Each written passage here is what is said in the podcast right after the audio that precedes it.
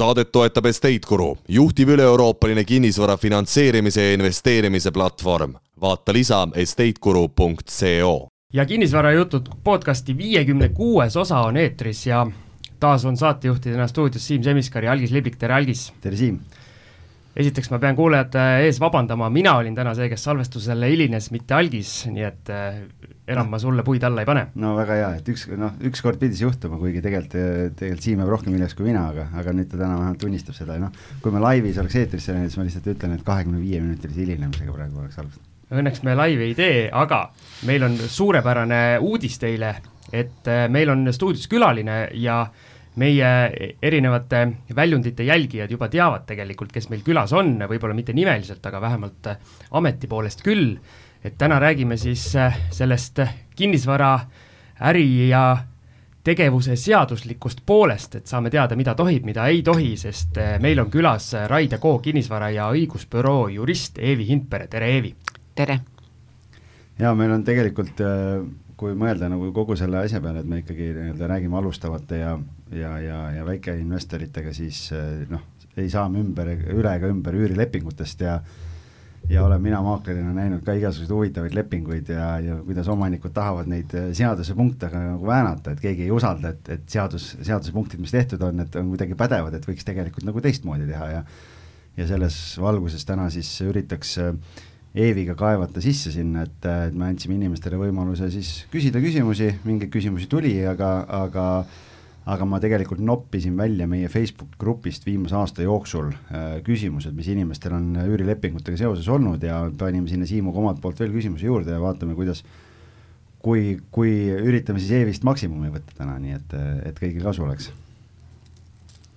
Aga hakkame otsast peale äkki, äkki minema siis, et te, tegelikult ju, kui me räägime kinnisvara, üürikinnisvarast ja ja, ja üürilepingutest, siis noh, üürnike valimine ja kõik see on selline tore, aga aga siis, kui nagu lepingu tegemiseks läheb, siis peaks nagu taustakontrolli ka ära tegema, et vaadata, mis inimene on, et ilusate silmade ja ja, ja tühjade lubaduste eest võib-olla päris nagu ei peaks asju tegema. nagu kuigi, algis tavaliselt. jah, kui, kui, kuigi tehakse ka täna väga palju, on Eevi, ma võib-olla sissejuhatuses küsingi, et kõigepealt, et et mis sa arvad, kui levinud probleem täna turul on see, et, et ei tehta lepinguid, et suuliste kokkulepete alusel antakse kinnisvara üürile? mina arvan, et see, see on niisugune minevik. täna okay., täna ikkagi sõlmitakse leping ikkagi ära Su, suhteliselt harva tuleb ette, kui ei taheta üldse lepingut sõlmida, et tehakse suuliseid kokkuleppeid. et noh, ma arvan, et kõik teavad, mis eesmärk sellel suulisel lepingul on, et see on tulumaksu varjamine, eks ole.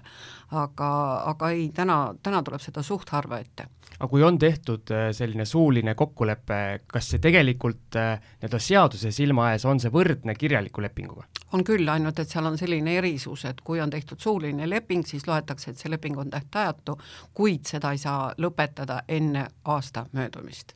ah nii, okei okay., no see on päris huvitav noh, ma ütlen, ütlesin, suuline leping kui selline, see minu jaoks tundub nagu selline tundub jah, et kuidas naised, naised saunad rääk-, naised saunas rääkisid, aga noh, sa ju ei saa tõestada, et jaa, me Siimuga nüüd neljapäeva õhtul kell kakskümmend üks kolmkümmend seitse leppisime kokku nendes asjades, on ju, no kes see ütleb, noh, et ongi äh, tõestamise probleem, ongi see kõige, kõige kurvem asi, sellepärast et kui asi läheb vaidluseks, sul ei ole ju mitte millegile tugineda, noh, võib-olla siis ainult mingid tunnistajate ütlused, eks see on ka kõik. Mm -hmm.. okei. Okay., aga kui me nüüd räägime ikkagi nii-öelda siis kirjalikest lepingutest ja nii-öelda korrektselt äh, tehes, et siis äh,, siis äh, kui Siim soovib nüüd üürnikule taustakontrolli teha näiteks, tal on siin Vaidas on siin äh, üürikorter on ju, et siis äh, kui ta nüüd, mina olen üürnik, kui ta küsib minu käest isikukoodi või on tal vaja koopiat isikut tõendavast dokumendist või kas, kas tal on, mina peaks andma mingi kirjaliku nõusoleku ka, et ta üldse võib minu andmeid töödelda või kuidas sa seda poolt näed, et äh, kuidas, kuidas kõige korrektsem teha oleks? No isikukood on ju avalik, see ei ole nüüd küll mingisugune delikaatne isikuandmete rida. Et selles mõttes see ei ole nagu mingisugune probleem, et isikukoodi võib ikka küsida ja selle järgi võib ikka vaadata, mis taust sellel inimesel on. ja taustakontroll on ka väga erinev, on ju firmasid, kes tegelevadki taustakontrolliga teatud raha eest. Ja siis saad täiesti põhjalikult, põhjaliku ülevaate sellest inimesest, kas tal on olnud mingisuguseid makseraskusi või mingeid muid probleeme, noh, võid ka ise natukene tuhnida, vaadata ametlikes teadaannetes, äkki on ta mingisuguse kohtuasjaga seotud olnud, no Google on muidugi ka väga hea, siis sealt tuleb ikka, kui kellelgi pattu on, siis sealt see patt välja enamasti tuleb. ja, ja Facebook on selline tore koht, et kas või piltide järgigi vaatad, et mis inimesega tegemist on, et minu meelest see väga hästi iseloomustab inimest aga on seal mingi punane joon, mida üürileandja ei tohi nagu ületada, kui ta taustakontrolli teeb, et kuskile liiga sügavale kaevuda ei tohi või sellist asja ei olegi? ei no päris isiklikke andmeid loomulikult ta ei tohiks äh, niisama küsida, aga, aga isikukood ei murru küll selle alla, et isikukoodi kindlasti, no me ju kõik teame, kinnistusraamat on avalik ja seal on kõikide inimeste isikukoodid ju olemas, ka omanike. no aga kui sa oled üürnik ja sul ei ole ühtegi kinnisasja, siis sa ei saa kätte seda. No aga siis lihtsalt tulebki see dokument küsida, ega üürilepingut ei saagi sõlmida, kui sa ei ole inimese dokumenti näinud, sa ju pead ikkagi teadma, kes see inimene on, kellele sa usaldad oma vara liiga sügavuti sinna võib-olla ei läheks, et, et äh, aga lihtsalt jah, Pealtnägijas oli siin just ju pikk lugu siin ühest puuküürnikust ja ja seal lõpus siis Mihkel Kärmas äh, ütles ka, noh, soovitas nii-öelda, et, et noh, et Eestis ei ole väga levinud, aga et, et noh, et küsida, et välismaal on üsna levinud äh, et küsitakse inimese käest ka pangakonto väljavõtet ja eelmise tööandja või eelmise üürileandja või tähendab, tööandja või siis eelmise üürileandja äh, soovitust, et Eestis see väga levinud täna ei ole, aga aga mis sa arvad, kas, kas peaks äh, selliseid asju küsima? võiks, iseenesest võiks, kui tal on midagi sellist tuua ja ma tean, et mõned maaklerid seda isegi, isegi on proovinud ja mõni edukamalt, mõni vähem edukamalt kui kuulata ookeanitaguseid podcast'e, siis seal soovitatakse mitte eelmise üürniku vai, või selle üürileandja, vaid üle-eelmise, kuna eelmine võib-olla räägib hea juttu, kuna tal on vaja sellest äh, halvast üürnikust lahti saada. aa, see on päris hea point, et see on nagu päris, päris huvitav. okei okay,, aga siis äh, Alo küsis sellise küsimuse, et äh, kas eestlaste ja välismaalaste puhul on üürilepingu sõlmimisel vahet, et kas on mingeid häid tavasid, mida mujal riikides näiteks lepingutesse pannakse, aga Eestis ei ole veel normaalsuseks saanud? eelkõige on omanikul kohustus kontrollida välismaalase legaalset viibimist Eestis. see on seadusega pandud tema kohustuseks, kui ta üürile annab, ja kui ta seda ei tee ja tuleb välja, et sellel inimesel ei ole äh, seaduslikku alust Eestis viibimiseks, siis selle eest on päris kopsakad rahva, rahatrahvid kuni aastase vangistuseni nii et kindlasti tuleb kontrollida välismaalasi. aga see on siis see elamisluba, sa mõtled, jah? see on kas siis ajutine või alaline elamisluba või siis viisa, no viisa alusel vaevalt, et nüüd keegi üürilepingut sõlmima hakkab, need on ju suhteliselt lühiajalised. okei okay,, ma olen üürileandja ja ma tean seda, et mul on see kohustus, kuidas ma nüüd seda teen, kas ma pean küsima sellelt äh, välismaalasest äh, üürile soovijalt äh, mingi, mingi paberi või seda saab kuidagi veebis ka teha? PPA kodulehel on olemas spetsiaalne link selleks, et vaadata, kas inimene on legaalselt Eestis viibiv või mitte, aga loomulikult, kui tal on väljastatud kas ajutine elamisluba kas või eks ole, siis tal on ID-kaart olemas ja millist, milliseid andmeid selle jaoks vaja on, on seal vaja sünniaega, eesperekonnanime, mis andmeid täpselt vaja on? eesperekonnanimi ja Sest... isikukood, kui on, kui isikukood ei ole, siis sünniaega et aga siin on muidugi erisus selles, kas tegemist on, on Euroopa Liidu kodanikuga või kolmanda riigi kodanikuga, et Euroopa, Euroopa Liidu kodanikuga on vähekene lihtsam, temale võib üürile anda, sest temal peab olema eelkõige see elukoht olemas selleks, et sa, et ta saaks siis hilisemalt seda elamisluba taotleda, aga kui tegemist on kolmanda riigi kodanikuga, siis temal peab enne olema see luba okei okay,, sest noh, näiteks mina olen ka mingitele või noh, päris paljudes korterites on välismaalased ja, ja igasugused need suured Eesti, Eesti ükssarvikud, kuhu tulevad siis välismaa tippspetsialistid tööle, siis reeglina sealt tuleb, tööandja poolt tuleb juba ka mingi see nii-öelda viisa application või mingi, mingi selline dokument tuleb kaasa, millega nemad ise on, kinnitavad seda, et nad on aidanud inimesel seda kogu dokumentatsiooni ja kõike seda poolt nii-öelda siis organiseerida et inimene siia tulles saaks kõik vajalikud äh, paberid nagu korda endal. no kolmanda riigi kodanikul peab ikkagi see luba ikkagi olema lepingu sõlmimisel. No, et selles... kõik see, et teda on kutsutud siia õppima või tööle või mis iganes, see veel ei tähenda, et ta seda siis ka tegema jah, seal ongi olnud see, et, et kui on kuskilt Lõuna-Ameerikast või kuskilt, siis, siis on, on jah, põhjalik olnud isegi ja. see, et nad ongi andnud selle kinnituse, et ta, et, et ta tuleb siia seaduslikult, et on nagu kõik, kõik on korras ja, ja olen kontrollinud ise ka PPA lehelt järgi, et et, et lihtsalt jah, nii-öelda väga paljud võib-olla ei tea jah seda, et seda üldse on võimalik kontrollidagi, nii et, et, et noh, ja meil on ju seda võõrkeelset rahvast on, on ka niisama siin palju, et, et väga paljud räägivad vene keelt, aga, aga on võib-olla siin äh, siis äh, no inglise keel ikka tuleb ikka päris korralikult sisse praegu. no täna on jah nii juba. et juba inglisekeelne leping peaks olema, sest ei ole mõtet ju eestikeelset lepingut temaga sõlmida, kui ta mitte midagi sellest aru ei saa. ja, ja mis on nüüd nagu nende välismaalastega probleem, on see, et kui tekivad mingisugused äh, lahkarvamused, võlad, mis iganes, siis üldjuhul nad ei allu Eesti õigusruumile ehk tuleb selles kokku leppida, et lähtutakse Eesti seadusest ja, ja vaidlused lahendatakse Eesti kohtus. ega see ei pruugi ka veel aidata, et see sõltub jällegi riikide vahelistest suhetest, et noh, näiteks kui meil on ka Venemaaga tegelikult õigusabileping olemas, siis ma arvan, et keegi vist väga ei usu, et kui teil venelasest üürnikum on Venemaa avarustesse tagasi läinud ja teile kõvad võlad jätnud, et keegi sealt teda otsima hakkab siin ongi üks hea küsimus, äh, et äh, ükskord, äh, mul on kakskeelne leping välismaalastega ja, ja, ja siis ükskord üks välismaalane ütles, et et noh, mul on lepingus on see punkt, et, et kui on eesti ja inglise keele vahel on erinevusi, siis nii-öelda õig-, noh, lähtutakse eesti keelest. siis ta mhm. küsis, et kas saab panna, et lähtutakse inglise keelest, sellepärast et tema ei saa kontrollida, noh, et, et need on nagu vastavuses, ma ütlesin, et äh, et äh, Google Translate aitab sul nagu üle vaadata ja sa näed, et tegelikult on korrektne, noh, et sealt ma olen ise kontrollinud ära, et tegelikult saab nagu, saab nagu ilusasti võrrelda ja saab aru äh,. aga, aga siis oligi see, et äh,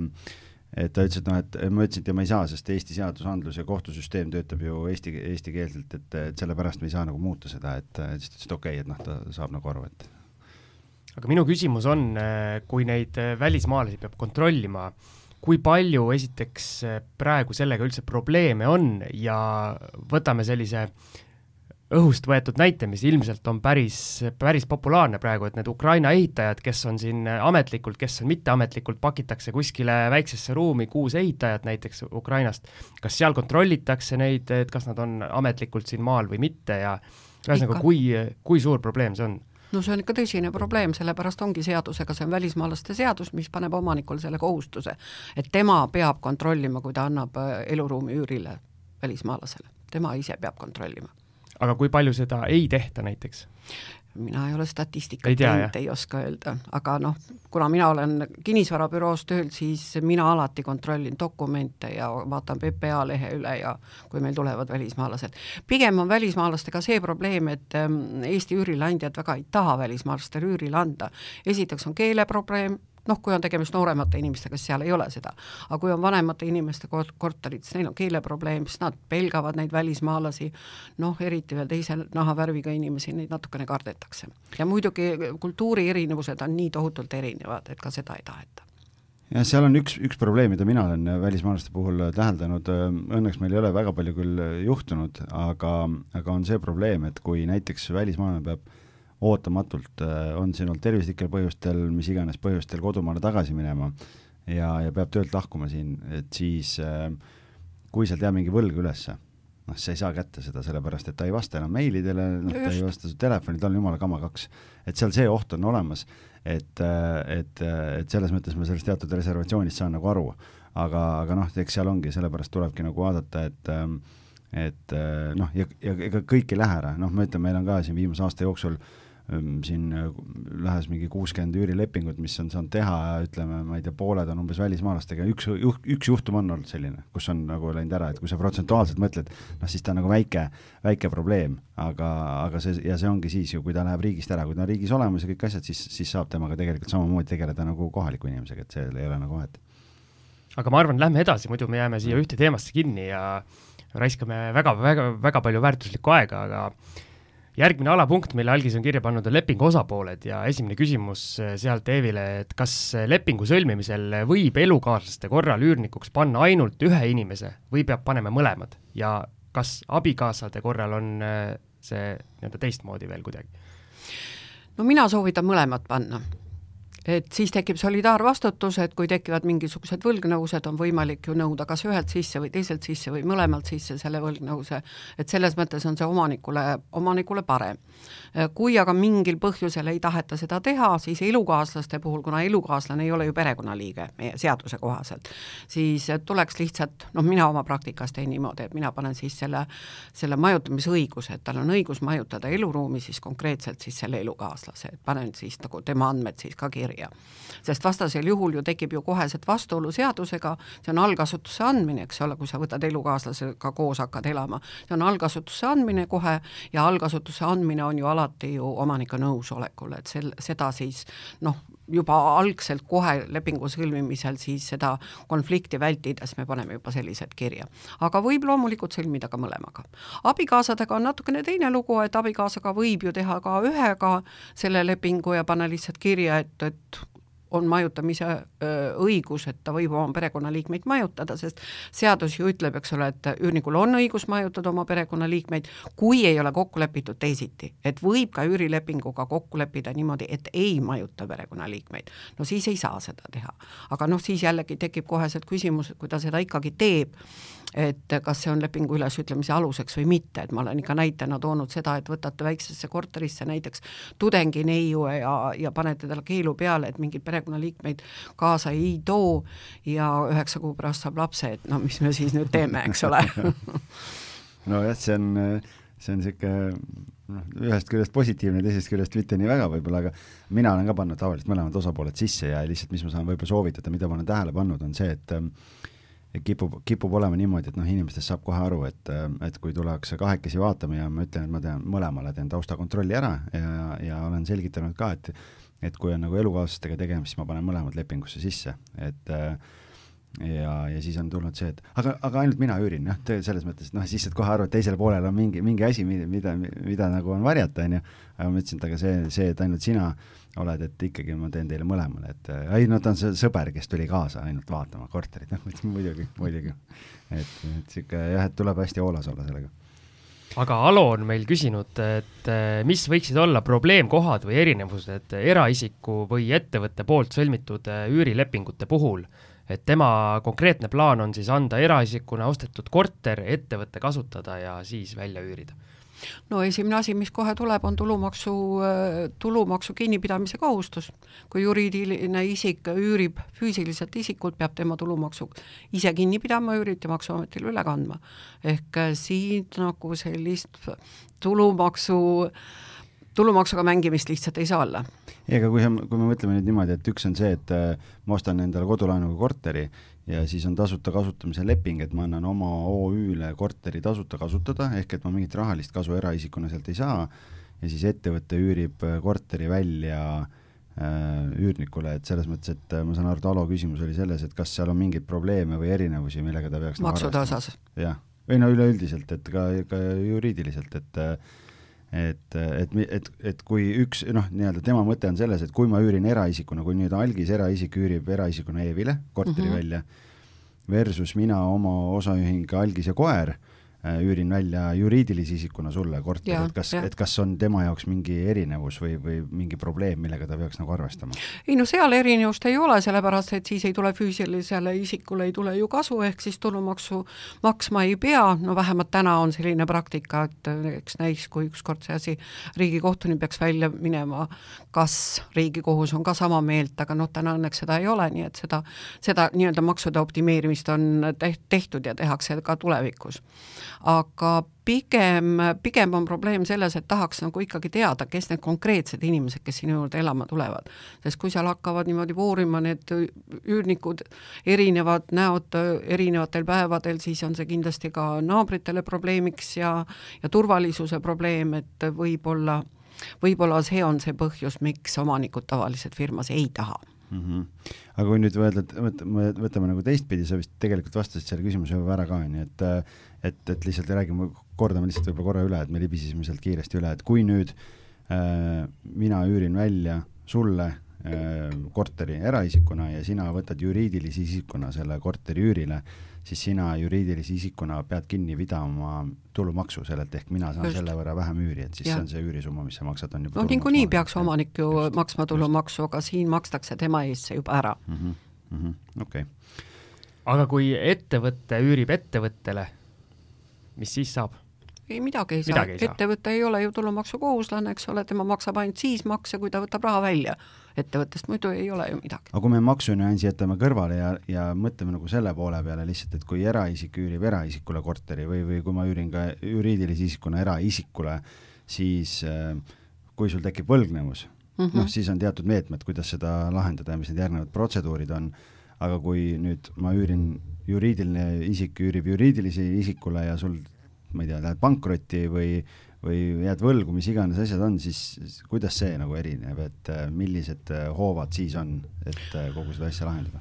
no võlgnevuse sissenõudmine on ikka täpselt samamoodi, vahet ei ole, kas on füüsiline isik või juriidiline isik, et ta on ikka kas läbi üürikomisjoni või kohtu ja, ja selles mõttes no ju vahet ei ole. aga kui see juriidiline isik läheb pankrotti näiteks? aga pankroti puhul jah, ma just mõtlesingi, et kus see mul mõte nagu toppama jäi. et pankroti puhul pankrot iseenesest ei, ei lõpeta ju lepingut ära, pankroti, kui tekib pankroti oht, eks ole, siis on üürileandjal õigus nõuda lisatagatist mis noh, turvaks siis tema need, need maksekohustuse täi-, täitmist ja andma selle jaoks ta peab andma mõistliku tähtaja, millise aja jooksul see lisatagatis tuleb anda ja kui talle ei anta seda lisatagatist selle mõistliku aja jooksul, alles siis ta saab lepingu üles öelda. nii et ainult see pankrot otseselt ei lõpeta veel lepingut. aga minul on küsimus, et äh, kas, kui ma nüüd üürin äh, ettevõttele, ehk siis ettevõte rendib minult korterit, kas see kuidagi Üürib. selle nii-öelda puuküürniku äh, teemas ka oleks kuidagi kasulikum, et kas ettevõtet enda korterist välja saada on kuidagi kergem kui eraisikut? ei ole. ei ole? Seal pole mingit vahet. sest ta on ikkagi eluruumi üürileping ja ta on eluruumi üürileping, kui ta jõuab lõpuks siis noh, välja tõsta saab ainult mhm. kohtutäitur jõustunud otsuse alusel. ja, ja kui kohtutäitur tuleb välja tõstma, siis ta ju tõstab ju välja ikkagi ju konkreetsed isikud ja vahet ei ole, kas need isikud on siis läbi firma või on nad siis otseselt need füüsilised isikud aga üks tegelikult oluline koht on või, või noh, nii-öelda risk, mida inimesed tavaliselt kardavad, on see, et ütleme nüüd, et ma üürin Siimule välja, Siimu juriidilisele või no Siimu firmale üürin korteri välja. Siim äh, ütleb mulle, et ma tulen perega elama, ma panen need isikud sinna kirja, keda siis on lubatud majutada selles korteris. aga homme on seal kuus Ukraina ehitajat hoopis, et ähm, et see on nagu otsene lepingu rikkumine, aga, aga tegelikult äh, noh, ma ütlen, et kui kas, kas see, et kui ma panen need nimed sinna kirja nii-öelda, et tal, et on õig-, keda on õigus ja luba majutada, et kas see nagu juriidiliselt on tugev ka või ei ole? no aga siis sa oled andnud selle allkasutamise õiguse talle konkreetselt mm. nende, nendele inimestele. kui ta aga majutab sinna kedagi teist, siis on see juba, eks ole, nii lepingu kui seaduse rikkumine, kuid jällegi tuleb siis hakata kaaluma seda, kas on lepingu ennetähtaegse lõpetamise alus või mitte et ta võib olla, ei pruugi olla, noh, nagu ma tõin näite selle tudengi neiuga, eks ole, kes lapse saab, et noh, see tõenäoliselt oleks ikkagi vastuolus hea, mõistlikkuse põhimõttega, eks ole, ja heale usule ja tavale ja nii edasi, eks mhm. ole, et, et see, see ei oleks aluseks, aga kui näiteks jah, et sa üürid siin Siimul, aga, aga nädala aja pärast naabrid kurdavad, et seal on viis Ukraina meest hoopistükkis, mhm. et, et see võib olla küll lep lepingu lõpetamise aluseks. see on aga, ilm, ilmselgelt nagu teadlik äh, tegevus. absoluutselt, et see on ikkagi lepingu rikkumine. aga teine asi on ka see, et täna on ju lubatud ka leppetrahvi nõue nii et on võimalik ka sellise rikkumise puhul ka leppetrahvi nõuda. kui suur see on?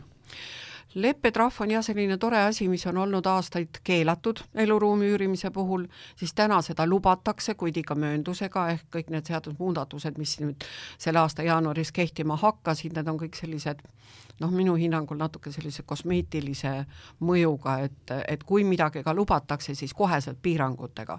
ehk leppetrahvi äh, nõue ei tohi ületada kümmet protsenti ühe rikkumise kohta kuus kõikidest nendest maksudest, mida üürnik maksma peab. ehk siis üür, siis äh, kõrvalkulud ja kui on siis kokku lepitud nendes maja korrashoiu ja, parenduskuludes, siis kõik see summa summarum sellest kümme protsenti. ja kui on rikkumisi rohkem, siis mitte rohkem kui kakskümmend protsenti kuus. kolmesaja viiekümne eurone korter, paned no sinna sada eurot kommunaale juurde, nelisada viiskümmend, saad nelikümmend viis eurot küsida, et äh, mis siis, et sul no, viis no, viis ehitajat elab. üks äh, Ukraina ehitaja maksab viis euri kuus ja ja elab ikka rõõmsalt edasi. no sellepärast ma ütlengi, et need on sellised kosmeetilised muudatused, et, et tõesti Justiitsministeerium tõesti tagus rusikaga rindu, ütles, et tegime ära, eks ole, aga mida nad ära tegid, noh. Okei okay,, aga äh, Triin on küsinud, et kui üürida kinnisvara välja eraisikuna ja korteril on kaks omanikku, kas siis üürilepingu sõlmimisel peavad mõlemad üürileandjatena lepingus kirjas olema? sõltub sellest, kas nad on ühisomanikud või kaasomanikud. nii, ja kuidas see erineb? kui on tegemist ühisomanikega, siis tõenäoliselt on siis seal kas abikaasad, eks ole, või on pärijad et äh, sellistel puhkudel igasugune selline tegevus peab olema teiste nõusolek. aa, selles mõttes, okei okay,. ja, ja, ja, ja. Mm -hmm. Aga kui tegemist on kaasomandiga, siis äh, noh, mina olen lähtunud nagu sellest põhimõttest, et üldjuhul, kui on tegemist kaasomandiga, see on kasutuskorra kokkulepe. ja kui on see kasutuskorra kokkulepe juba sõlmitud, ka selle kasutuskorra kokkuleppe juures on ju võimalik ka, ka tingimused seada, eks ole, näiteks üürimise, üürimise võimalus ja nii edasi. et kui selline kokkulepe on, siis siis saab seda oma osa ju välja üürida, ei ole probleemi. Probleem võib tekkida, kus siin võib tekkida probleem, kui me räägime nüüd üürileandjatest, eks ole, et kui üürnik tahab oma elukoha ära registreerida noh, selleks on ju erinevaid, kohalikud omavalitsused pakuvad ju erinevaid soodustusi, no kas või Tallinna linnas tasuta transport ja ja igasugused äh, lastetoetused ja ja, ja pensionäride toetused ja, ja nii edasi ja nii edasi, eks ole, et siis sellistel puhkudel äh, rahvastikuregistri osakond ei aktsepteeri seda, kui on ainult ühe allkiri sellel lepingul all. väga hea, väga hea, saime jälle targemaks ja eile õhtul, hilja õhtul tuli meili peale veel üks küsimus, äh, kus äh, loodeti, et jõuab õigeks ajaks ja jõudis. et üks kuulaja siis küsib, et kui korter on kunagi umbes kümme kuni viisteist aastat tagasi ostetud ettevõttele, siis kuidas seda seaduslikult ja mõistlikult saaks ettevõtte, ettevõtte oot-oot-oot-oot. jah, kuidas ainuomanik saaks selle enda kui eraisiku omandisse. just, et äh, ühe mehe firma siis nii-öelda ja müüb ära kas ainus, ainus variant on siis müümine ja kas see peab turutingimustel toimuma? jah, see peab turutingimustel toimuma. et mingit äh, muud varianti ei ole, et äh, raha ei liiguks, ainult korter liigub, et äh, neid küsimusi tegelikult meil on päris palju tulnud erinevaid no ma ei ole nüüd päris see spetsialist, kes nüüd praegu firmade raamatupidamist nüüd lahkama hakkaks, et, et sellel teemal ma nagu väga tõsiselt ei tahaks sõna võtta, aga, aga, aga jah, siin on küll seadusega pandud piirid paika, et sa ikkagi alla turuhinna müüa ei saa, selleks oli mingisugune konkreetne nimetus sellel asjal, aga mul ei tule praegu hetkel meelde, kuidas seda nüüd, nüüd nimetati, no ühesõnaga, see ei ole päris minu valdkond et mhm. selle ma lõikaks praegu välja siit vahelt. Ei, las ta jääb, selles mõttes, et aga lihtsalt siis me teame, et ainuke variant on müüa, et, et mingit muud äh, juriidilist äh, vormi sellel ei ole, et äh, sest tegemist on ikkagi eraldi isikutega, kui me räägime isikut kui sellised, üks on juriidiline isik, teine on füüsiline, mis siis, et nad noh, nagu omavahel kattuvad, on ta ikkagi tehing. et see, mulle tundub, et nii-öelda väikeinvestorite puhul hästi, hästi tihti hägustubki see piir, et et no mina olen, eks, nii-öelda Siim ja siis Siimu firma on ka ühe mehe firma nagu, et no et põhimõtteliselt me oleme ju sama nii-öelda sama inimene nii-öelda enda jaoks. nagu see ja, segatud ei ja, ole siin. et, et kuidas ma ei või nagu firmast eraisikule ja eraisikul, eraisikult firmale ja kuidas ma ei või lihtsalt nagu neid asju üle kanda, et see no sellist asja nagu ülekandmine ei ole olemas, eks ole, on olemas kinge või müük jaa, aga inimese või tähendab hästi-hästi tihti nii-öelda kohtab sellist ja, ja nad, noh, inimesed nagu. ei saa nagu aru sellest, et et siin on tegemist kahe erineva isikuga, üks on juriidiline, teine on füüsiline isik ja sealt see segadus tekib. nii et sellele küsimusele ka vastatud ja lähme järgmiste teemaplokkide juurde ja Kristo küsib, et eh, kui üüri tasumine käib sularahas siis on sulgudes ümbrikus, et millised on olnud äh, millised on ohud üürileandjale ja üürnikule? ma ei oska lugeda. Siimul on veel, on uni silmas veel, et ühesõnaga, millised on ohud siis üürileandjale ja üürnikule, jah? aga sula, sularahas arveldamine ei ole ju keelatud. ka võlaõigusseadus ütleb, et võib maksta nii ülekandega kui ka sularahas, selles mõttes ei ole vahet. sularaha on ju käibevahend endiselt. absoluutselt. ja mis on nüüd, kus on see oht? oht on üürnikul iga kord, kui ta sularahas maksab, peab ta võtma allkirja omanikult, et ta on selle raha kätte saanud. sellepärast, et vastasel juhul tal ei, ei jää ju mitte mingisugust tõendusmaterjali, et ta on maksnud. ja on olnud meil ka praktikas selline juhtum näiteks, eh, kus oligi, üürnik elas kaheksa kuud korteris, maksis kogu aeg sularahas, mingit allkirja ei küsinud ja siis nad läksid riidu, lõpetasid lepingu ära ja omanik esitas hagiavalduse kohtusse ja ütles, et ta pole kaheksa kuu jooksul saanud sentigi üüri. ja võitis selle? Kohtus. Nad läksid lõpuks kompromissile, aga, aga, aga noh, niisugune ebamugav asi oli. noh, omanikuks oli küll teise kursuse juuratudeng no jah, kasutavad kohe ära. no see oli Tartu linnas, ei olnud Tallinnas no mina, minul on eraldi lepingu lisa kaks selle jaoks kohe olemas, kus ongi selline tabel on, kus ja, on kindlasti, kirjutad kindlasti. sinna, panedki november kaks tuhat kakskümmend üks üür ja mõlemal osapoolel on paber, iga kord, kui nad kohtuvad, siis mõlemad kirjutavad sinna selle summa, panevad mõlemad allkirjad, et üks ei saa öelda, et ma olen andnud, et pole andnud, üks ei saa öelda, et pole saanud ja teine ei saa väita, et, et pole et äh, olen andnud, aga noh, et, et on nagu mõlemalt poolelt võimalik nagu tõestada, et, äh, et see peab kindlasti olema. ja siin oli tegelikult, Kristol oli küsimus, et, äh, et võib-olla suudame mõne plussi ka leida selle asja puhul, siis üks pluss, mida mina selle juures näen, on see, et, et kui sa lepid üürnikuga kokku, et sularahas on ja sa käid korteris iga kuu korra raha vastu võtmas, et ei saa kuskil tänava peal kokku, siis sa näed ära, kuidas elamine välja näeb ka, et, et noh, see on nagu see pluss, mida, mida ma suudan seal näha, aga minu küsimus siia võib-olla teile mõlemale, kui te teate, kui suur, suur protsent tehingutest üldse praegu siin Eesti turul tehakse veel sularahaga? mina võin öelda oma firma praktika kohaselt, et vaata, et üle poole. üle poole ikka, jah? Et see on ikkagi väga-väga levinud, me ei räägi siin mingitest äh, nii-öelda kümnendikust, me räägime ikkagi ja, poolest või rohkem. Noh, mina selles mõttes, meil on teistsugune pilt, äh, sellepärast et kuna meil on üürihaldusettevõte ja meil on valdavalt on juriidilisest isikust üürileandjad, siis nendega sularahaga pole ja, midagi ja, teha lihtsalt, et selles mõttes, et, et aga, aga jah, et tõenäoliselt kui on nii-öelda eraisikust üürileandjad, siis siis neile väga meeldib selle sularahaga äh, opereerida. ja, ja põhjus? noh, see jääb igaühe enda teada nii siis Einar küsib. Einar, jah. üürnik soovib korraga maksta ära kogu lepinguperioodi üürimaksed. kas see on minu kui üürileandja jaoks nii-öelda jackpot või on siin taga minu jaoks mingid varjatud ohud peidus? no võib küll öelda, et jackpot, sellepärast et siis sa oled kindel, et kogu üüriperioodi eest on sul tasutud, eks ole.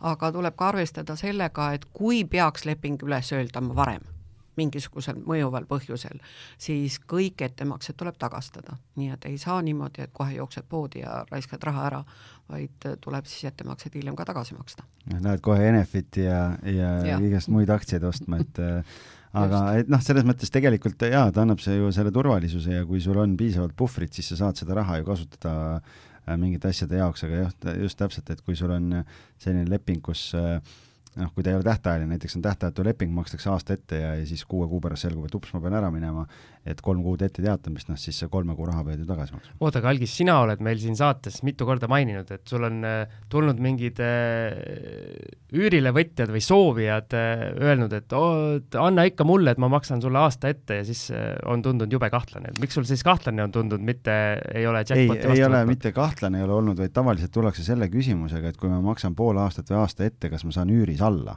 hinnas, siis ma olen öelnud, et see hinda ei mõjuta, sellepärast et äh, omanik vaatab aastast rahavoogu, ta, see ei ole ta ja tal ei ole nagu vahendite probleemi ei ole, et see ei ole nagu argument üürihinnas rääkimiseks, et see on see põhjus pigem ma ütleks, et äh, ohumärk on siis, kui äh, hakatakse kauplema, et noh, tagatisraha maksan natukene hiljem ja no ettemaks tuleb ka mitte nüüd kohe, vaid pärast ja või hakatakse maakleri tasu ümber siis vaidlema, eks ole, kas ma ikka pean või mitte, niisugune igi, igihall teema, eks ole. et vot see on juba ohumärk, et järelikult üürnikul ei ole raha ah,. jaa, tegelikult ma, Siim, tegelikult jaa, sul teatud mõttes oli õigus, ma olen öelnud küll, et on olnud mingeid juhuseid, kus keegi tuleb, ütleb, et noh, et mul on äh, et vali ikka mind, et ma maksan sulle kolm kuud ette või kuus kuud ette või noh, et selles mõttes, et ühest küljest see on okei okay,, aga teisest küljest alati ongi see, et siis tuleb ikkagi see põhjalik taustakontroll ära teha ja vaadata, et mis see põhjus seal on või, või nagu mõeldagi, et võib-olla, et kui tal on, ütleb, et mul on vaja homme kolida, et ma maksan sulle kolm kuud ette, noh, see ei ole nagu väga tavapärane, et järelikult on mingi põhjus, miks ta sealt teisest kohast äkki täna peab ära tulema, on ju, et noh, et, et seal peab nagu reservatsiooniga, aga, aga kui kõik muud linnukesed on nii-öelda täidetud, noh siis see on ju tore boonus. Aga kuidas käituda, kui üürimakse hilineb, et kas ja millal peaks üürnikule tasumist siis meelde tuletama ja mil viisil oleks kõige õigem seda teha? Mil viisil, see on taasesitamist võimaldav vorm, ehk alati, kui lepingut rikutakse, tuleb kõigepealt anda teisele poolele teada, et sa oled lepingut rikkunud ja anda talle mõistlik tähtaeg, et ta oma rikkumist, rikkumist jõuaks siis kõrvaldada. mida peetakse mõistlikuks tähtajaks? neliteist päeva on täna seadusega kirja pandud et eh, ka siis, kui teil on alust nüüd üürileping võlgade tõttu üles öelda, siis peab ikkagi andma talle ikkagi see neliteist päeva tähtaega ja hoiatama teda, et kui ta selle aja jooksul siis oma võlgnevust ei kustuta, et siis ütlete lepingu ülesse. Aga kui on selline üürnik, kes nii-öelda, nii-öelda hakkabki seda siis kuritarvitama, et ta maksab vahetult enne seda seda kuupäeva oma makse jälle ära, aga lõpuks ikkagi omanik tahab sellest üürnikust vabaneda, et kuidas see käib siis? no siin on piirang seadus ütleb, et kui aasta jooksul on kaks korda juba ta maksnud ära oma võla alles siis, kui tal on see mõistlik tähtaeg antud, siis kolmandat tähtaega talle enam andma ei pea. et ühesõnaga päris nii-öelda, nii-öelda lõputult seda ratast päris lõputult ei saa, ei saa.. no rääkimata juba selles, et seaduses on ju ka ette nähtud äh, äh maksedistsipliiniga äh, lepingu erakorralise ülesütlemise alus, eks ole, kui on kahel järjestikusel maksetähtpäeval hilinetud, et siis on ka võimalik leping üles öelda eks see on see maksedistsipliin, eks ole. just äh, rääkisin ühe tuttavaga ja ütles, et tal on üks äh, üks üürnik, kellel on, on see komme, et ta nagu hilineb, ta peab kogu aeg meelde tuletama talle, et kas siis äh, tema kontekstis saan ma õigesti aru, et, et äh, kui see üürnik nüüd on jäänud jälle, ma ei tea, nädal-kaks nädalat on hiljaks jäänud, siis tal on õigus saata see meeldetuletus välja, siis on nagu nii-öelda esimene kord. Äh, või arvestatakse seda kahte korda siis, kui ta on kahe kuu üürivõlgnevuse võlgu, et äh, kuidas kas me nüüd käib? räägime sellest, äh, sellest hoiatamisest või me räägime lepingu ülesütlemisest no, distsipliini tõttu? jah, kui ta, see lepingu ülesütlemine, et ta ütles, et ma tahan sellest üürnikust äh, noh, selle lepingu ära lõpetada, sest ma ei ole lapsehoidja, et ma ei taha iga kuu mm -hmm. meelde tuletada, et kuule, sa mm -hmm. peaksid nagu üüri maksma. et siis äh, et, et kas see kaks korda tähendab seda, et kui ta on juba nüüd jäänud hiljaks ühe üürimaksega, siis ta saadab selle neljateistpäevase nii-öelda mm, meeldetuletuse välja, et kui ta on kaks korda aasta jooksul seda teinud ja siis pärast seda ta võib korralise lõpetamise teha või? See ei ole nüüd korraline ülesütlemine, see on juba erakorraline, juba erakorraline ülesütlemine, just nimelt okay., korraline on ju ainult äh, tähtajatu lepingu ja, puhul, eks ole. et, äh, et äh, siin tulebki vaadata, mis see alus nüüd on, eks, kui me räägime maksedistsipliinist, siis siin maksedistsipliini puhul ei ole seda neljateist päeva ju ette nähtud aga siis, kui me räägime sellest, et te tahate üles öelda sellepärast, et ta on võlgu kahe kuu eest, eks ole, kas siis kõrvalkulud või, või tagatisraha või, või siis, või siis lihtsalt üüri, et siis sellistel puhkudel on see neljateistpäevane tähtaeg, mis tuleb anda, aga igal juhul, kui lepingut on rikutud, tuleb hoiatada, et ma ütlen lepingu üles, kui sa ei lõpeta rikkumist. okei okay,, okei okay,, selge aga no, lähme saadan saate lingi talle kohe, kui, kui ja. üles läheb. no näed, kohe otsene kasu saab olema, aga lähme edasi üüri tõstmise juurde, et kuidas erineb tähtajatu ja tähtajalise üürilepingu puhul üüri, üüri tõstmine? tähtajatu lepingu puhul saab nüüd seadusmuudatusega äh, üüri tõsta iga aasta möödudes Äh, tähtajalise puhul tuleb arvestada kolme kindlat tingimust, leping peab olema sõlmitud vähemalt kolmeks aastaks, üüri saab tõsta ainult ühe korra aastas ja üüri tõstmise kord ja täpse, täpne arvestus peab olema juba lepingus välja toodud. ehk see peab olema lepingus fikseeritud et te hakkate lepingut tõstma. et kui me, tähendab üüri tõstma perioodiliselt, et äh, kui me täna räägime sellest, et meil, meil on reeglina sellised aastased üürilepinguid, siis seal ei tule selline kõne allagi selline lepingu, lepingu kehtivuse ajal üüri tõstmine aga kui on äh, mingist vanast ajast tehtud näiteks, ma ei tea, ütleme kümneaastane leping ja seal ei ole seda sisse pandud, et äh, üüri tõstmine oleks võimalik. aga see siis... tuleneb ju seadusest see kestvuslepingute puhul on ju üldse selline asi, et kui te ei ole nüüd fikseerinud ära nüüd konkreetselt mingisugused tärminid selles lepingus endas, siis te lähtute lihtsalt sellest, kuidas täna seadus seda ütleb. ja kuna seadus täna ütleb näiteks seda, eks ole, et et tähtajatu lepingu puhul saab iga aasta möödudes üüri tõsta, siis ei ole nüüd vahet selles, et kuidas teil oli eelnevalt siis kokku lepitud või näiteks ka tähtajalise puhul et sellepärast erinebki selline, mille poolest siis selline kestvusleping siis erinebki, et siin me saame lähtuda ka konkreetselt seadusmuudatusest, aga jällegi oleneb, kui seaduse endaga ei ole see võimalik või kui te olete juba lepingus ära fikseerinud konkreetse aja. Noh, näiteks selle kolmekuuline kui Siim on kümme aastat tagasi teinud selle lepingu, aga tal ei ole, seadus küll ütleb, et sa võid tõsta korra aastas, kui sul on vähemalt kolmeaastane leping, aga kui tal ei ole ära märgitud, millise astmega üüri tõstetakse, kas ta siis saab ikkagi seda teha, kui ta ei, see ütleb, peab olema fikseeritud. kui ta viis aastat ei ole tõstnud, nüüd avastab, ossa pagan, et tegelikult on turg on nii palju muutunud, ma siin vahepeal magasin viis aastat, et et nüüd tahaks tõsta tagantjärgi kõige viie aasta, siis seda ta te-. ei, seda saa, niimoodi jah. ei saa teha, jah. just, et, et nii, et Siim. siis ma olen hädas, jah? jah, sa oled täitsa blindris omadega. okei okay., lähme edasi. Jekateriina küsib sellist asja, et kõigepealt selgitab siis oma olukorda, et äh, maja on üüril üle kahe aasta, leping on tähtajatu kahe aasta jooksul ei ole kordagi üüri tõstetud. nüüd äh, on üürileandjal soov tõsta üüri kuuskümmend viis protsenti kusjuures äh, suuruselt samalaadsete äh, majade üür on kaks korda kõrgem sellel, selles piirkonnas. kuigi teised pakutavad majad on ka paremas seisus, okei okay,, see on väga, väga konkreetne lugu, tundub olevat. kas selline üüri tõstmine on õigustatud, kas on seadusi või muid regulatsioone, mis sätestavad, kui palju saab korraga üüri tõsta? See vist eelmises, eelmises küsimuses sai enam-vähem vastatud tegelikult e, e, kui me, oleneb, kui on nüüd tegemist tähtajatu lepinguga, ma sain aru, eks ole? leping on tähtajatu, jah? tähtajatu lepingu puhul saab ju nüüd, eks ole, uue seaduse või tähendab, seadusemuudatuse raames saab tõsta iga aasta möödudes. ja see üüri tõstmine peab olema põhjendatud ehk sa pead ära näitama, kuidas turul on üür, üürid tõusnud ja vastavalt sellele sa selle arvutuse siis teed ja teatad talle ette. see üüri tõstmise teade, seal on ju ka oma kohustuslikud äh, tingimused, mida ta peab sisaldama, kui ta neid ei sisalda, siis on üüri tõstmine tühine. et siin tuleb näpuga järge vedada ikkagi ka seadusel, kui seda üüri tõstmise teadet tegema hakatakse. kuid nüüd praegu näeb seadus ka ette seda, et äh, kui üürnik ei ole nõus sellise üüri tõstmisega, siis ta saab lepingu üles öelda et ühesõnaga, kui Ekaterina tahab tõsta oma seda maja üüri kuuskümmend viis protsenti ja see jääb ikkagi alla nii-öelda turuhinna, siis see on justkui nagu põhjendatud. et kui äh, näiteks selle maja üür on, ma ei tea, tuhat viissada eurot või ütleme, lihtsam arvutada, tuhat eurot, teistel majadel on kaks tuhat, nüüd nemad tahavad tõsta tuhande kuuesaja viiekümne euro peale, näitavad ära, et näed, ülejäänud majade hinnad on kaks tuhat, et siis see justkui on põhjendatud, sest tegelikult on endiselt alla turuhinna siis on lihtsalt küsimus, kas üürnik nõustub või ei ja kui ta ei nõustu, siis lihtsalt tuleb, on lepingu lõpetamine, jah? no tal on, üürnikul on õigus kas vaidlustada üüri tõstmine või siis äh, leping üles öelda nii, ja kui ta vaidlustab?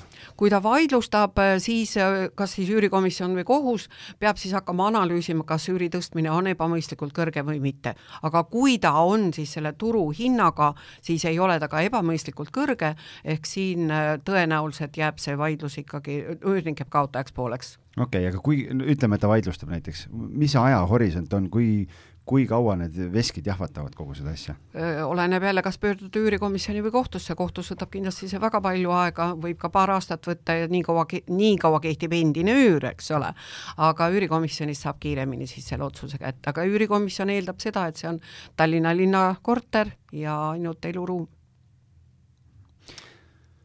järgmine küsimus oligi minul tegelikult selle kohta, et, et kuidas on korrektne üürniku üüri tõstmisest teavitada, et noh, sa ütlesid, seal on teatud punktid, aga, aga see on võlaõigusseaduses on tegelikult on on, on need välja toodud. on välja toodud, see on ja. neli või viis punkti oli seal? see on neli kohustuslikku ja. punkti, mis peavad siis ole-, mis peavad selles tõstmise teates olema siis kindlasti kajastatud, vähemalt neli, võib ju ka rohkem kirjutada, aga neli need peavad siis kindlasti olema. et ühesõnaga, kellel selline asi äh, ees seisab, siis otsigu välja. ja ajagu näpuga seda... järge ja vastasel juhul on see üüri tõstmine tühine ja, ja üürnik võib jätkata endise üüri maksmist aga lähme edasi ja üüripinna allüürimine ja Sandril on küsimus, kui üürnik üürib äh, omaniku kirjalikul loal, kirjalikul loal pinda edasi kellelegi teisele, siis kuidas jaguneb vastutus nende üürnike poolt tekitatud kahjustuste ja või ja kaldkriips või maksmata arvete eest omaniku ja esialgse üürilise vahel? allüürnik vastutab üürniku ees ja üürnik vastutab omaniku eest. et see on nagu niisugune redel? jah, absoluutselt. mõistlik. lihtne jah, suhteliselt lihtne ja loogiline. Lähme edasi, Algis. väga hea. üüripinna parendamine. Ehm, ma käisin kunagi ühel koolitusel, kus sa tõid ühe markantse näite ja ma olen seda igal pool kasutanud, kus see oli mustaks värvitud tuba, et ehm, lagi. või lagi jah, et, ehm, et ja sellest... oota, aga kasutasin saates ka siis ja ei noh, selles mõttes, et, et küsimus ongi, et noh, et kas üürnik võib teha üüripinnal parendusi, kas selleks on vaja üürileandja nõusolekut ja kuidas ja kui põhjalikult seda siis vormistama peab et äh, sa võid rääkida selle näite ära ka võib-olla, selle Musta lahega et.... jaa, loomulikult ta peab selleks nõusolekut küsima ja tuleb ka siis kokku leppida, kas see kompenseeritakse või mitte. aga see konkreetne juhus oli lihtsalt selline, et see oli selline nõukaaegse remondiga korter ja üürnik tahtis natukene oma elamistingimusi parandada, et teha natuke puhtamaks ja, ja omanik ütles, et jumala pärast tee, mis tahad, aga mina sulle ei kompenseeri mitte midagi. no ja siis see krunge mees tegi, mis tema tahtis, värvis, värvis lahe mustaks ja pani musta musta taustaga punaste roosidega tapeedi seina, nii et kui omanik seda nägi, siis ta pidi küll tõesti infarkti saama. Nii et tuleks ikkagi kokku leppida, et mida ta seal ikkagi tegema hakkab. Ja võib-olla kooskõlastada, et kuule noh, et saada mulle mingi, ma ei tea, tahad tapeeti vahetada, et just, mis tapeeti sa tahad panna sinna, et ja. või kukub äkki kandvaid seinu maha lõhkuma, et jumala pärast. Päris kõike ei saa lubada.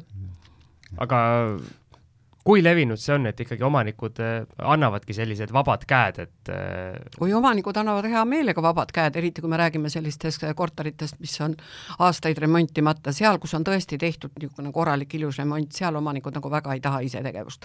aga, aga kui on sellised räämas korterid, nagu meil on turul neid ju päris palju, et seal on omanikud väga hea meel mul on siin küsimus, üks selline noh, kõige levinum küsimus, mis sellega seoses tavaliselt on, on see, et tahaks mõne pildi seina panna noh, siis me oleme tavaliselt öelnud, et me tuleme ise kohale, teeme teeme vajalikesse kohtadesse see, need augud seina, et oleks kindel, sest inimeste trelli kasutamise oskus on väga erinev ja ja tegelikult äh, mul on ka üks, üks niisugune huvitav kogemus, kus äh, ühele välismaa tegevjuhile otsisime siis äh, üürimaja ja, ja läksime siis, leidsime sobiva maja ja läksime siis äh, omanikku kohtuma, omanik ütles, et näed, just lõpetasin remondi, et äh, et siin üks saatkond kolis välja ja, ja noh, seal oli ka, jäi, nagu fikseerimata see, et üürnik oli küsinud, et kas ma võin pilti seina panna ja omanik ütles muidugi võid. ja siis oli nagu, kui välja kolis, siis oli nagu automaadivalang oli käinud, terve, terve sein oli pilte täis olnud, noh, ütles, et lihtsalt mingi, ma ei tea, see maardlatööd läksid nagu päris arvestatava summa ja selle ta pidi nagu küsima üürnikult siis nagu tagasi, et äh, kui, ma ei tea, kas see oli küll nii-öelda kokku lepitud kompenseerimises või mitte, aga, aga igal juhul üürnik maksis selle ära. ei no ta peab ikkagi taastama endise olukorra välja arvatud siis, kui omanik siis äh, on nõus talle kompenseerima selle, jah. Minul oli hiljuti sealsamas Vaidas oli, tekkis see probleem, et taheti panna televiisorit nagu seina nende mis iganes asjadega ja ma nagu ei osanud äh, alguses isegi oodata, kui, kui suured need augud lõpuks seal on, aga õnneks või kahjuks äh, ei, ei olnud see peamine probleem pärast. Et nagunii tuli kõik seinad üle teha, et äh, aga, aga jah, et kui te kuskil eh, nõusoleku annate üürileandjana, siis, eh, siis mõelge enne ikkagi natuke nii-öelda hoolikalt, eh, hoolikalt järele, et need, nagu Algis rääkis, võib terve sein auke täis olla või siis need augud võivad olla ikka sellised vähemalt sentimeetrised. Aga see võib-olla ei kattu nüüd päris selle teemaga, aga põhimõtteliselt on ju täna võimalik ka kokku leppida, et üürnik taastab endise olukorra, et ta teeb selle sandremondi ka ära noh, aga inimeste arusaam sandremondist on, on nii erinev, et, et pigem on, ma arvan, mõistlik ise teha ikka, et ja. muidu, muidu on see pärast teeb ära ja ütled, et ei noh, ei lähe kuskile, ma pean ikka üle tegema, siis ta ütleb, et aga ma juba tegin. aga ma saan aru, mujal maailmas on see päris nii-öelda tavaline, et äh, antakse selline nii-öelda valge karp antakse üle ja pärast siis äh, mina ei tea, mis mujal maailmas nii-öelda üürniku ära läheb, algis. Sa ei tea ka, jah? ma olen, ma küll, minu arust on narodne business meeldib, aga ma olen nagu praegu Eestis. selge, lähme siis edasi, lähme kodumaiste juttudega edasi, et äh, lepingu muutmine on meil järgmine küsimus, Kristel küsib, kas üürilepingu lisaga võib muuta ka lepingu osapoolt, praeguses lepingus elanikuna kirjas olev inimene tahaks lepingu üle võtta, ühtlasi muudaks lepingu ka tähtajatuks? saab põhimõtteliselt saab, aga siin tuleb kindlasti nüüd eristada seda, et kas siin toimub nüüd, ma saan aru, et üürniku vahetus, eks ole, et kas siin toimub nüüd üürniku vahetus või toimub nüüd äh, lepingu üleandmine. kui toimub lepingu üleandmine teisele üürnikule, siis esialgne üürnik vastutab veel kahe aasta jooksul lepingust tulenevate õiguste ja kohustuste täitmise eest solidaarselt uue üürnikuga. ehk siis justkui nagu annaks allüürile? No ta päris nii ei ole, aga siin tekib solidaarvastutus, et ta lihtsalt jääb vastutama selle uue üürniku eest ka, kui ta annab lepingu üle. aga kui ta, et mõistlik oleks ikkagi leping ära lõpetada ja sõlmida uus leping ja siis juba uute tingimustega mm. -hmm. väga hea. aga lepingu lõpetamine on siis äh, järgmine alapunkt ja võlaõigusseadus sätestab tähtajalise lepingu korral on lepingu korralise lõpetamise etteteatamise aeg üks kuu, tähtajatu lepingu korral kolm kuud. omanikud tahavad seda mingil imelikul põhjusel omavoliliselt muuta ja imeasju lepingusse panna. mis on enamlevinud vead, mida sina näed, mille vastu omanikud eh, lepingu lõpetamise puhul eksivad? No viga kõlas kohe alguses ära, eks ole, et tähtajalise lepingu puhul ei ole ühekuulist etteteatamist. seda on võimalik kokku leppida. no seaduse põhiline, noh, kui me räägime, kui me kritiseerime nüüd seda, seda üüri, üürilepingu regulatsiooni, siis kurja juur on selles paragrahvis kakssada seitsekümmend viis, mis ütleb, et lepinguga on võimalik seadusest kõrvale kalduda, aga ainult üürniku kasuks. ehk kui me nüüd antud juhul tähtajalise lepingu puhul lepime kokku, et üürnik võib kuuajalise etteteatamisega ka tähtajalise lepingu üles öelda, noh siis on kõik hästi, eks ole, sest see on üürnikule ju kasulik. aga kui omanik seda teeb, noh, siis tuleks kohe kaaluda, kas see on üürnikule kasulik. tõenäoliselt mitte, järelikult selline kokkulepe ei kehti aga väga paljudes tähtajalistes lepingutes on see, on see punkt on sees, ehm, et tegelikult seda punkti sinna üldse ju siis panema ei peakski ei, absoluutselt, sest et tähtajaline leping kehtib tähtaja lõppemiseni. ja siis on seal veel see erisus, et kui üürnik jätkab peale tähtaja lõppemist eluruumi kasutamist, siis muutub see automaatselt tähtajatuks, kui kahe nädala jooksul siis ei avaldata teistsugust tahet. just panin ühe müügikuulutuse üles paar päeva tagasi ja ja seal omaniku info on selline, omanik üüris tähtajalise lepinguga korteri välja, kuu aega tagasi leidis alles üürniku ja üürnikuga on kokkulepe, et noh, et äh, me otsime investori, äh, kes ostab kehtiva üürilepinguga, aga kui mingil põhjusel tuleb keegi, kes soovib koduks endale, siis omanik ütles, et ma leian sulle uue kodu, ise organiseerin ära, valin niimoodi, sina ütled, et mulle meeldib ja noh, et paigutab ümber, kui on vaja ja, ja, ja siis ma jagasin Facebookis ka seda erinevatesse gruppidesse, siis seal üks, üks meesterahvas kirjutab, ei no kuidas saab ikka lepingut lõpetada, et noh, et või kuidas ei saa lõpetada, et noh, et kaks kuud ette teatamist ja, ja ongi ju kõik, et mina ei tea, inimestel on kuskil mingid väga huvitavad arusaamad nendest lepingu lõpetamistest, et äh, tegelikult ju seadus näeb ju isegi seda ette ju, et üürnik peab maksma üüriga aja eest, mil ta ei kasuta seda temast endast olenevatel põhjustel. ja seal noh, üks asi ongi ju tegelikult võib-olla sa võid kinnitada, et, et ma olen asjadest õigesti aru saanud, et äh, kui nüüd Siim tahab omavoliliselt muuta seaduses kirja pandud punkte ja paneb tähtajatu lepingu korral sisse punkti, et lepingu ülesütlemine on üks kuu ette teatamist, siis see üks kuu kehtib üürnikule. täpselt nii, sama tem loogika, jah. ja temale omanikuna ikkagi kolm kuud. ikka. jah, et see on nagu oluline teada, et kui keegi paneb ja. üks kuu, siis te tegelikult nii-öelda teete üürnikule justkui äh, head meelt äh, sellega, et tema saab vajadusel kiiremini lahkuda, aga võib-olla teie enda perspektiivist võttes see kõige parem lahendus tegelikult ei ole. ja lähme edasi. Lähme edasi, siin on nüüd äh, kuulaja Kristjane on küsinud päris mitu küsimust ja algis loeb selle esimese pika ette siin mul läheb sõnad sassi muidu jälle.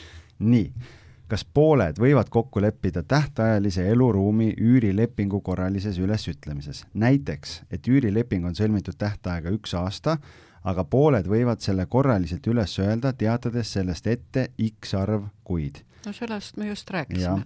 siin läheb veel edasi päris pikalt. riigikohus iseenesest jaotab sellist võimalust äriruumi üürilepingute puhul, kui poolteks on majandustegevuses tegutsevad eeldatavalt võrdsed lepingupartnerid, aga kas see on lubatud ka eluruumi üürilepingu puhul, kui poolteks on füüsilised eraisikud, seda juba Eevi kinnitas just, et jah, sellest me rääkisime aga kui poolteks on juriidiline isik, kes üürib kinnisvara välja oma ettevõtte alt ja üürnikuks on füüsiline isik, kas sellisel juhul eeldatakse lepingu poolte ebavõrdsust?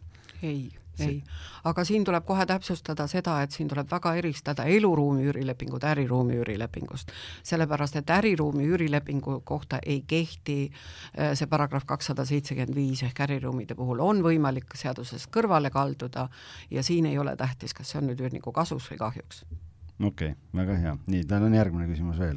see järgmine vist on ka meil vastatud tegelikult juba, ma siin äh, vaikselt lugesin. ahah, okei okay,, see on tähtajalise, täht-, ei see on üürilepingu, jah, me oleme need, selle vist ära katnud äh,. kui pooled kalduvad korralise ülesütle-, ütlemise tähtajast kõrvale, näiteks kolme kuu asemel üks kuu, siis mis ulatuses võiks kahju hüvitamist nõuda? kahju hüvitamine on see kaks kuud, mis sealt vahelt ära jääb ehk kahe kuu üüri saab ma isegi ei saa nagu sellest küsimusest äh, väga täpselt aru, et äh, kui te olete juba, ahah, korraline ülesütlemine. ei no aga kui sa oled korralises ülesütlemises kokku leppinud mm -hmm. ja sa oled pannud selle ühe kuu lepingusse, siis see on su enda probleem, sest üürnik võibki ühe kuuga ette teatama, see on su enda äriline kahju. ei, mulle tundub, et küsimus on selline, et äh, nii-öelda kolm kuud on see korraline ülesütlemine, aga üürnik läheb juba kuu aja pärast minema, et kas, et siis on see kahe kuu kas tal on õigus siis just. küsida see kaks kuud äh, on. hüvitist? vot üks tegelikult jaa, et praegu siit äh, mul turgatas pähe, et üks tuttav kirjutas mingi aeg tagasi, ütles, et tal selline probleem, et äh, äh samamoodi tähtajatu leping, üürnik ütles, et ta peab varem ära minema ja, ja omanik ütles, et okei okay,, et äh, et äh, noh, kui sul on vaja minna, et saame korteris kokku ja, ja vormistame üleandmise vastuvõtmise akti ära, ma võtan valduse vastu.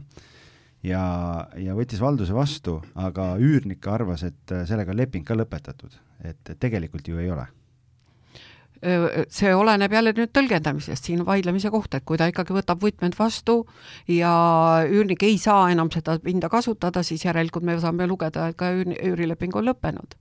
sest poolte kokkulepe on siin okei okay ta ei ta ei ole küll korrektselt äh, vormistatud, aga, aga ta on ju ikkagi ära lõpetatud. aga noh, võtame nüüd selle olukorra näiteks, et, äh, et, äh, et see üürnik kolis välja ja ma omanikuna siis tahan hakata uut üürnikku otsima sinna, ütlengi et talle, et okei okay,, et ma hakkan uut üürnikku otsima ja sellest hetkest, kui sinu leping või kui, kui uus leping algab mm, -hmm. siis sinu leping lõpeb ära.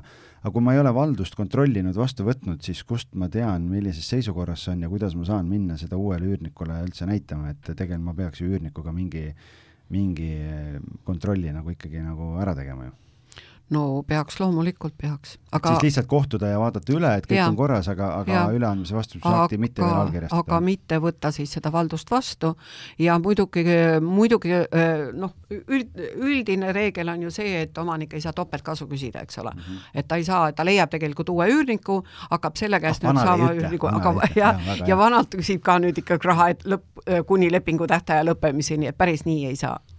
ühesõnaga seal sellist topeltelu elada ei saa, jah? ei, see oleks juba alusetu rikastumine. aga, aga mul on siis küsimus või siis ettepanek või äkki siis kõige mõistlikum on see, et kui näiteks sellel üürnikul, kes pidi ära minema, jääb näiteks see kaks kuud ülesse ja siis te lepite kokku, et äh, näiteks äh, omanik ütleb, et äh, teeme selle kahe kuu asemel üks kuu, aga see on nii-öelda, nii-öelda nagu kokku lepitud ja lõpetame lepingu ära, annad mulle võtmed üle ja kõik on rahul, on see võimalik? on ikka, see on ju poolte kokkulepe. kirjalikult siis, Siim? Vähemalt kirjalikku taasesitamist võimaldavas vormis. Suuliselt saab ka kogu aeg ju taasesitada sama juttu. suulist juttu ei saa taasesitada. Nii, aga Liina küsib äh, sellise huvitava küsimuse. kas see on seesama Liina? see on see, see Liina, kes meil saates külas käis, Liina, Liina Henning, jah, tervitused Liinale. Kui lõpetan elektrilepingu selleks, et vabaneda puuküürnikust, kas minuga saab midagi juhtuda? Nii, ja siis, et äh, sõltub üürnikust ja siis ta veel nii-öelda teine pool on see, et ta teavitas üürniku rem-, remonttööde algusest. ilmselt selle jaoks, et siis see puuküürnik välja läheks. et tema loogika on, et äh, kõik see on oluliselt äh, odavam kui väljatõstmisteenus. ehk ta annab teada, et ma hakkan remonti tegema ja ma pean elektri välja lülitama, elektri ära lõpetama. ei saa sellist asja teha.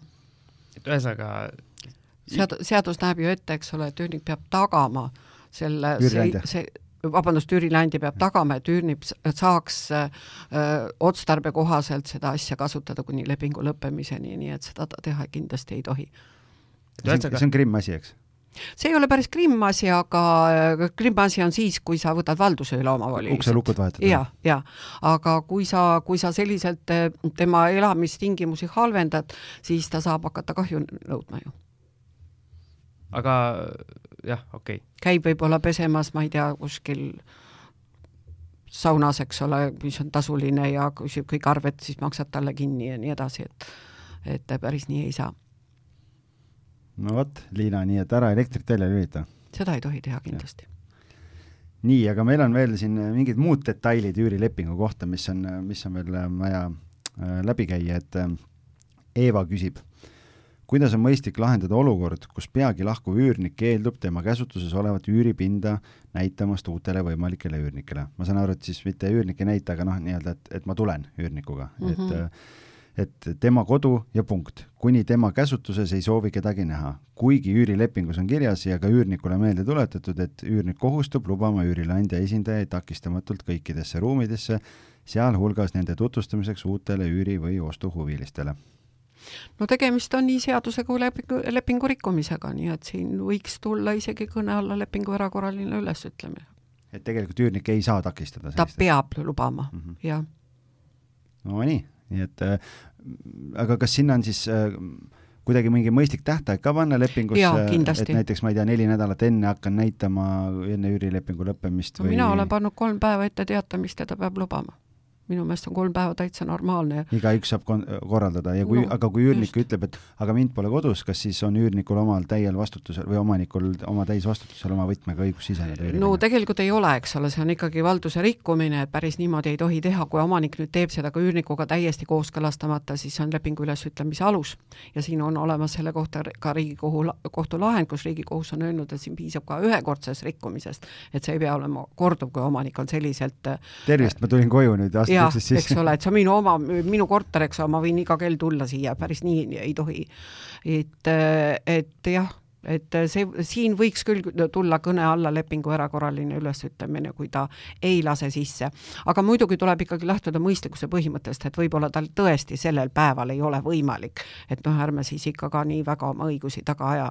et noh, leiame kompromissi siis mõnel teisel päeval mm. -hmm ja kuulaja Ilonal tundub, et on probleeme suitsetavate üürnikega, sest ta küsib, kuidas saab reguleerida seda, kui, kui üürileandja ei taha, et üürnik korteris suitsetab. kas saab panna lepingusse, et ta peab selleks korterist välja minema? meie paneme lepingusse alati selle, et suitsetamise keeld eluruumis, et see on täiesti elementaarne kas rõdu läheb sinna alla või see tuleb eraldi rõdu ei lähe paraku sinna alla jah, nii et rõdu peal suitsetamist ei saa isegi ei korteriühistuga keegi keelata, kui nad ei ole just eriomandi kokkuleppega selle ära keelanud, et muud võimalust ei ole, sest tubakaseadus ütleb meile ainult seda, et ühiskondlikes ruumides, üldkasutatavates ruumides ei või suitsetada, nagu trepikoda või kelder või et aga, aga rõdu peal võib suitsetada, isegi akna peal võib suitsetada. aga see omanik, kui ta lepingusse paneb selle, et rõdu peal ei tohi, see noh, ta võib ju panna, on, aga, aga jällegi tekib küsimus, et mis ta siis nüüd sellega, selle rikkumisega jälle peale hakkab, et, et no paneme leppetrahvi alla ta praegu. see leppetrahvi teema on praegu nii värske, et meil ei ole ju kohtupraktikat, me ei tea, kuidas see kõik äh, ükskord siis nagu kohtu silmist välja hakkab nägema. aga paneme ta praegu leppetrahvi alla. aga ma võiks tuua ühe äh, üürikomisjoni näite selle suitsetamisega, et äh, omanik väitis, et üürnik on ikkagi suitsetanud, köögis suitsetanud ja tema nüüd peab tegema köögis täieliku remondi, remondi, sest et noh, eks me kõik teame, et suitsuhaisu välja saada on üsna keeruline. et ta peab kõik seinad üle värvima ja noh, ühesõnaga sandremondi tegema, mõist- äh,, tahtis siis äh, nõuda sisse üürnikult siis need kahjud, mis sellega seonduvad.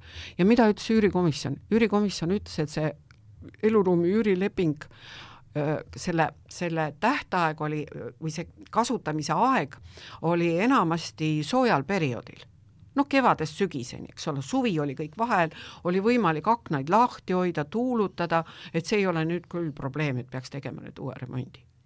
ja ei mõistnud välja. no kuidas see see on, peaks ikkagi minu omanikuna otsustada no,, ma ju näen seisukorda no, enne ja pärast ja kui ma tunnen, et on suitsuhais on sees, et noh, nagu aga üürikomisjon on teinud vahest selliseid, äh, selliseid otsuseid, mis paneb kõlgu kehitama, aga paraku nad ei vaidlustanud seda kohtus, nii et ei tea, kuidas kohtus oleks asi läbi läinud okei okay. nii, sa oled juba ise põgusalt äh, maininud neid seadusemuudatusi, mis nüüd siin aasta alguses äh, jõustusid ja, ja, ja võib-olla arutame need lihtsalt läbi, et siin me siin oleme seda leppetrahvi punkti oleme juba puudutanud, aga, aga räägime viivisest ka, et va varem oli viivise määr isegi minu teada kuni null koma viis protsenti iga viivitatud päeva kohta, nüüd enam nii suurt viivist küsida ei tohi. kui suur on normaalne, maksimaalne viivis, mida täna küsida saab? null koma null kuuskümmend kuus nii et mitte null koma viis, aga null koma null kuuskümmend kuus. tähendab, seadusega pandi nüüd need asjad paika, enne oli, oligi niimoodi, et, et kohtulahendid olid erinevad, kohtunikud olid erinevat meelt, et kas võib kokkuleppeliselt üüri kehtestada või peab see tulema siis seadusest, eks ole.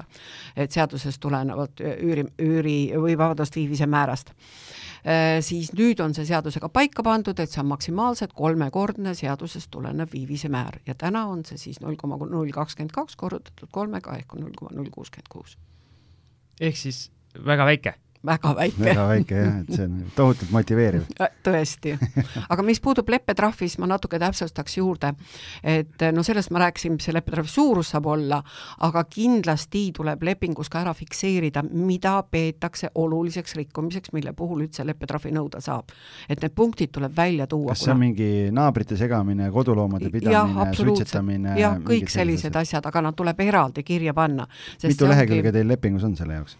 Eh, selle jaoks ei ole mitu, aga seal mul on mingi kas viis punkti on neid okay. leppetrahvi aluseid. et see tuleb kindlasti ära fikseerida, sest sõna leppetrahv ütleb ju ise, et sellest tuleb kokku leppida, mille eest trahvitakse. kas üürnikul on õigus, võimalus eh, keelduda ka sellest?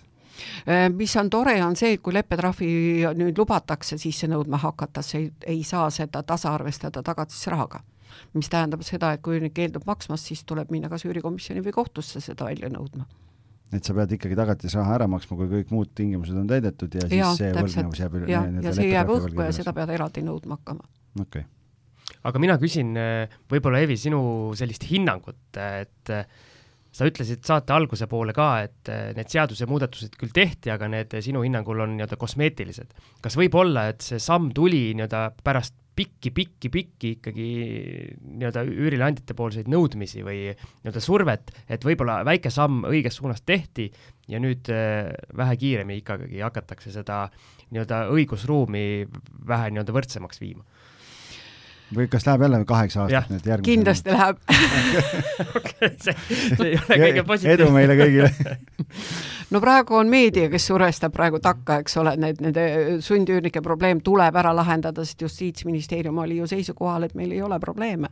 et kohtulahendeid on väga vähe, mis on ka tõsi, eks ole, sest inimesed lihtsalt löövad käega, nad ei hakka seda kohut käima, et kasutavad siin oma oma ebaseaduslikku, eks ole, õigust et, äh, et Justiitsministeerium jah, ei ole näinud seda probleemi, ta lihtsalt nendib ainult seda, et meil äh, kohtud on väga aeglased, tuleb kohtuid reformida ikka jätkuvalt ja nüüd viimane, viimane mõte on siis see, et kuna kõige rohkem vaidlusi on Harju maakohtus, et siis Harju maakohtu asjad tuleks nagu hajutada kogu vabariigi peale laiali, no seda enam, et meil nüüd täna kõik ju digi, digi ja võib teha kaug, kaugtõestamisi, nii ka kohtuotsu-, kohtulahendeid ja ka kirjalikku menetlust, et et tahetakse nagu hajutada, et ehk läheb asi natukene kiiremaks aga mis sinu hinnangul eh, nendes seadustes need kõige nõrgemad kohad on, mis mida sina esimesel võimalusel ära muudaksid? ka seesama puhkurnike teema. sama jah ja.? ja kuidas seda peaks siis reguleerima või muutma? Äh, tuleks mingisugune kiirendatud äh, võimalus leida, kuigi selle kohta jah, siin alles ma lugesin, Äripäevas oli vist see artikkel, kus Tõnu Toompark ütles ka, et kui siin, äh, kui siin nüüd ühes valdkonnas seda võimaldatakse, et see on nüüd kiirmenetlus, eks ole, näiteks ka kohtus, et siis hakkavad ka teised valdkonnad nõudma, et me ka, meil on ka alust, eks ole, kiirmenetluseks. no mina ise nagu käisin välja, aga ma ei ole ka nüüd äh, nii kõva spetsialist nüüd seadusandluse poole pealt, aga mina nagu pakkusin välja, et miks mitte, miks mitte näiteks rakendada äh, analoogi äh, hüpoteegiga, kus hüpoteegi puhul me ju lepime kokku kohe selle sundtäitmisele alluvuses. et miks mitte teha ka üürnikuga selline kokkulepe, et ta allub kohe selle sundtäitmisele, kui üürileping on kas üles öeldud või lõppenud, et ma saan kohe üürilepingut esitades pöörduda kohtutäituri poole ja kohtutäitur hakkab juba siis kohe menetlema, ilma et ma peaks hakkama siis kohut käima. et kui selle jaoks on vajalik ka notariaalne kokkulepe, pole ju ka probleemi, eks ole, kui üürnik tahab seda pinda saada, küll ta siis tuleb notarisse ka ja sellega kokkuleppe saaks ju sõlmida. Äh, paraku ei, äh, ei, seda isegi ei kaalutud Justiitsministeeriumis sest me tegelesime sellega, noh, läbi Kinnisvarafirmade Liidu me tegelesime pikalt-laialt nende, nende muudatustega ja oma ettepanekutega, et mõned asjad isegi, isegi minu ettepanekud, paar tükki läksid läbi. aga paraku seda isegi ei kaalutud nii et see on teema, mille, tundub nii loogiline, noh, et kuidas, kuidas üldse nagu ei kaaluta, noh, et ja. selles mõttes on nagu jah, ei tea, et äh, kummaline. rohkem kinnisvarainvestoreid on vaja sinna otsustajate hulka, kes oleks ise seda valu tunda saanud. alles meil valimised olid, eks ole, aga noh, nendest nendest valimistest kohalike omavalitsuste, sealt, sellest vist ei piisa, vaatame, mis Riigikogu valimised tulevad, et kandideerige Siim, Siim Vaida presidendiks. aga üürilepingutega ma arvan, tõmbame siinkohal joone alla, et ma tean, et Eevi, Eevi peab hakkama juba jooksma järgmisele kohtumisele, et üks viimane küsimus veel. Ja see puudutab meie kõiki lemmikuid broneerimislepinguid, mis on siis see ei ole üldse üüriteema ostu, ostumüügi teema, et see ka siia lõppu, et et see lihtkirjalik broneerimisleping on nagu selline nagu elevant toas teema, on ju, et kõik nagu teavad ja, ja aga ei tea ka, on ju, ja siis mis sina nüüd ütled, milline juriidiline jõud sellel lihtkirjalikul broneerimislepingul on, et ja millisel juhul on tegemist siis nii-öelda müügi eellepingu, mitte broneerimislepinguga ja mis vahe nendel veel omakorda on? no vahe on äh, vorminõudel eelleping peab olema kindlasti notariaalne, kuna põhitehing on ju notariaalne, eks ole. aga, aga broneerimislepingu puhul on väga oluline see sisu, et broneerimislepinguga ei saa kohustada kumbagi poolt lepingusse astuma noh, tehingusse, eks ole. ehk müüja ei pea müüma ja ostja ei pea ostma. et see on ainult broneerimine, see on noh, analoog sellele, et müügi peatamine. et jah, et, et noh, ma ei tea, tahan hotellituba, ma broneerin selle ära, tulen või ei tule, on juba minu enda probleem, eks ole et, et see saab olla ainult tõepoolest mingisuguseks ajavahemikuks lukku panemine, et ära kellelegi teisele müü, ma siin ajan oma asjad korda ja võib-olla ma ostan ära, aga kohustust ei saa kummagile poole panna. ja see broneerimistasu, kui seda üldse võetakse, eks ole, siis see broneerimistasu peab korvama nüüd ainult selle aja jooksul võimalikud omanikuriskid et ta võtab asja müügist maha, võib-olla ta kellelegi juba teisele oleks ära müünud, raha teeb raha ja nii edasi. et see ei saa olla ka ebamõistlikult kõrge. kui on ainult selles kokku lepitud, siis ei ole probleemi. et kui mina ütlen Siimule, et näed, mul on see seitsmekümne viie tuhande eurone korter siin ja mina arvan, et mõistlik broneerimistasu selle eest on tuhat eurot, kuu aega ma kellelegi teisele ei näita ja siis, kui Siim otsustab, et ma tehingusse ei tule, siis ma ütlen, et aga see on nüüd äh, kompensatsiooniks ja, selle eest ja see raha jääb mulle. täpselt nii. Teine... aga eks tal libedal jääl kõndimine on. jah, et kui Siim tahaks kohtusse minna, siis tõenäoliselt jälle on selline huvitav teekond, kust me lõpptulemust ette ei tea, on ju. meil on Sõltub täna ainult üks Riigikohtu lahend selles osas. ja milline see on? No see oligi, kus Riigikohus ütles, et kui see on ainult broneerimine ja raha ei, see broneerimistasu ei ole ülemääraselt kõrge, et see korvab ainult selle, selle riski, et siis ei ole siin vorminõuet. milline on äh, normaalne broneerimistasu, mina olen öelnud, et poolteist protsenti, kuni kaks protsenti, et mitte üle selle, kas see on õige jutt? see on väga-väga oleneb oleneb tehingu suurusest absoluutselt, tehingu suurusest, sellest broneerimist tähtajast, et äh, seda ei saa niimoodi üheselt öelda, aga Aa, ma tõesti pean jah, ära minema. jah, et äh, igal juhul suur tänu, et sa tulid, et äh, nüüd siis saime selle, selle teema ka nii-öelda, et kõik teavad siis broneerimislepingu puhul, kuidas käituda, aga aga aitäh sulle, Eevi, tõesti selle aja eest, nii et äh, mina sain palju targemaks, ma loodan, et meie kuulajad ka. ja mina ka ja aitäh meie kuulajatele ja püsige terved! head aega!